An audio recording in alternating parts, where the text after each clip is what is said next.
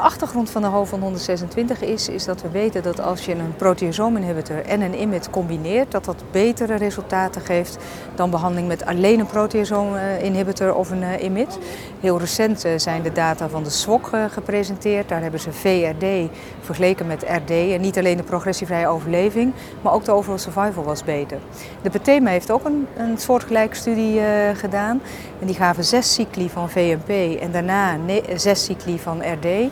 En dan was de progressievrije overleving was 32 maanden. En dat was eigenlijk veel beter, non-head-to-head vergeleken met de Vista-trial, eh, want die was 20 maanden. Dus toen dachten we, we willen eigenlijk een regime ontwikkelen waarbij we een IMID en een proteasome-inhibitor uh, combineren.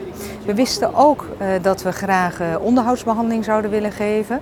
Dat kwam ook uit de PATEMA-studies, dat als je maar zes cycli VMP gaf, gevolgd door onderhoud, dan gaf dat ook een veel langere progressievrije overleving van rond de 30 maanden. Maar daar zou je natuurlijk het liefst een orale proteasome-inhibitor voor hebben.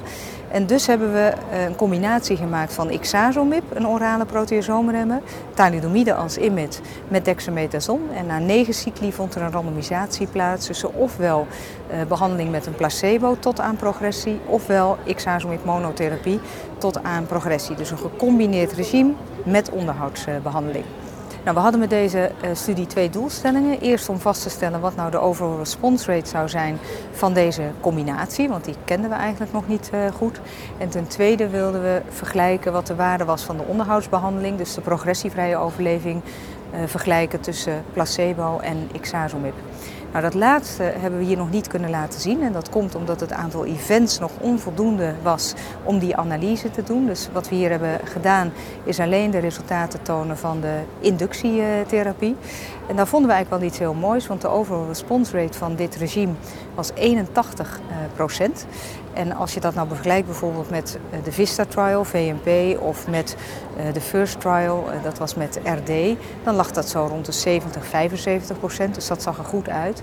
En meer dan 44 procent of 44 procent van de patiënten ontwikkelden een very good partial response of beter. Dus ook de diepte van de respons was goed. Wat we vervolgens ook hebben gekeken, toen we naar deze respons hebben gekeken, is het nou zo dat de mensen met een cytogenetisch hoog risicoziekte ook zo'n goede respons uh, hebben. Nou, we konden, en dat is echt heel mooi, in uh, 94% van de mensen hebben we cytogenetische onderzoekuitslagen uh, verkregen. dus eigenlijk nou, hulde aan alle hematologen die dat hebben ingestuurd. en ongeveer 20% van de mensen bleken hoog risicoziekte te hebben. En als je nu keek naar de hoogrisicopatiënten, dan hadden die dezelfde respons. Zowel de overall response rate als de diepte was dus onafhankelijk van het hoog risico risicoprofiel. Toen hebben we ook gekeken naar hoe fit of unfit of frail zijn die mensen nou en gaat het ongeveer net zo goed qua respons met die mensen. Nou, wij hadden uh, niet helemaal de activiteiten van het dagelijks leven en de instrumentele activiteiten van het dagelijks leven beschikbaar. Dus toen hebben we de WHO-performance als een proxy genomen daarvoor. En toen konden we inderdaad bepalen of mensen frail, unfit of fit waren. En 47% van de mensen die was frail, 28% van de mensen was unfit en 21% van de mensen was fit.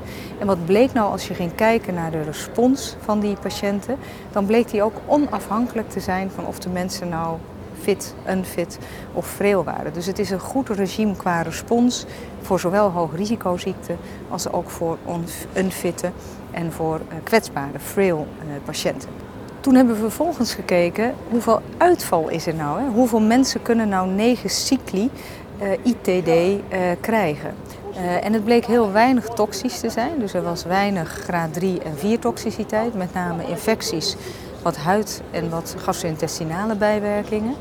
Maar het bleek wel dat de mensen die ouder waren dan 75 en de frail patiënten vaker moesten stoppen tijdens deze negen cycli. Um, en ongeveer 60% van die mensen die bereikten niet negen cycli, maar die moest eerder stoppen. Nou, wat waren daar nou de redenen voor? Uh, dat was enerzijds toxiciteit en die was gerelateerd aan thalidomide, dus neuropathie uh, en, en moeheid. Uh, een ander ding was dat als je ging kijken naar de mensen boven de 75 jaar, um, dat er een uh, sterfte optrad bij vier van die patiënten. Dat was 9% van de ouderen boven de 75, 75 jaar, versus maar 1% van de mensen onder de 75 jaar.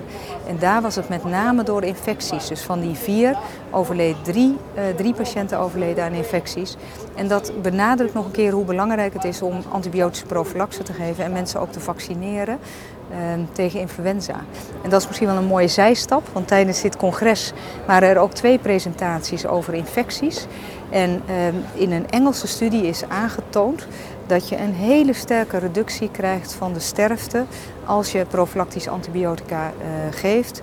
En verder is ook aangetoond dat je best wel effect hebt ook van uh, de griepvaccinatie. Dus ik denk een belangrijke bevinding voor de dagelijkse praktijk. Dus als je nu die studie een beetje in perspectief uh, zet, dan zeg je het is een effectieve therapie met een hoge mate van respons onder de 75 is dat heel goed mogelijk. Maar bij de kwetsbare patiënten en patiënten boven de 75 jaar is het goed om nog weer eens te kijken naar alternatieven. En er zijn een aantal alternatieven. Je zou zes cycli kunnen geven. En dan vervolgens kunnen die mensen wel aan een niet-toxische onderhoudsbehandeling beginnen. Dat vonden we bij de HOVAN 123 ook. Dus ik denk dat dat echt een hele goede weg te gaan is bij oudere patiënten in de dagelijkse praktijk. Maar ook in de komende studies. En het andere is, en dat doen we nu met de HOVAN 143, is dat we ixazomib niet combineren met thalidomide, wat toch een vrij toxisch middel is, zeker ook voor die ouderen. Maar dat we het nu combineren met daratumumab. En er zijn in Nederland nu al tien patiënten geïncludeerd in die nieuwe studie. En ik denk dat dat ook een regime gaat zijn wat veel meer uh, toepasbaar is, ook voor de ouderen en voor de unfit en voor de kwetsbare patiënten. Dus we hebben eigenlijk een heel mooi vervolg qua hoofdstudies. En ik denk ook dat het goed is om hier nog een keer te zeggen dat ongelooflijk veel hematologen in Nederland meedoen aan deze studies. Dus de inclusie gaat ook altijd heel snel. En dat is de enige reden waarom we hier ook die resultaten konden tonen. Dus uh, goed om nog een keer dank uit te spreken voor al die mensen die meedoen aan die uh, studie en patiënten includeren.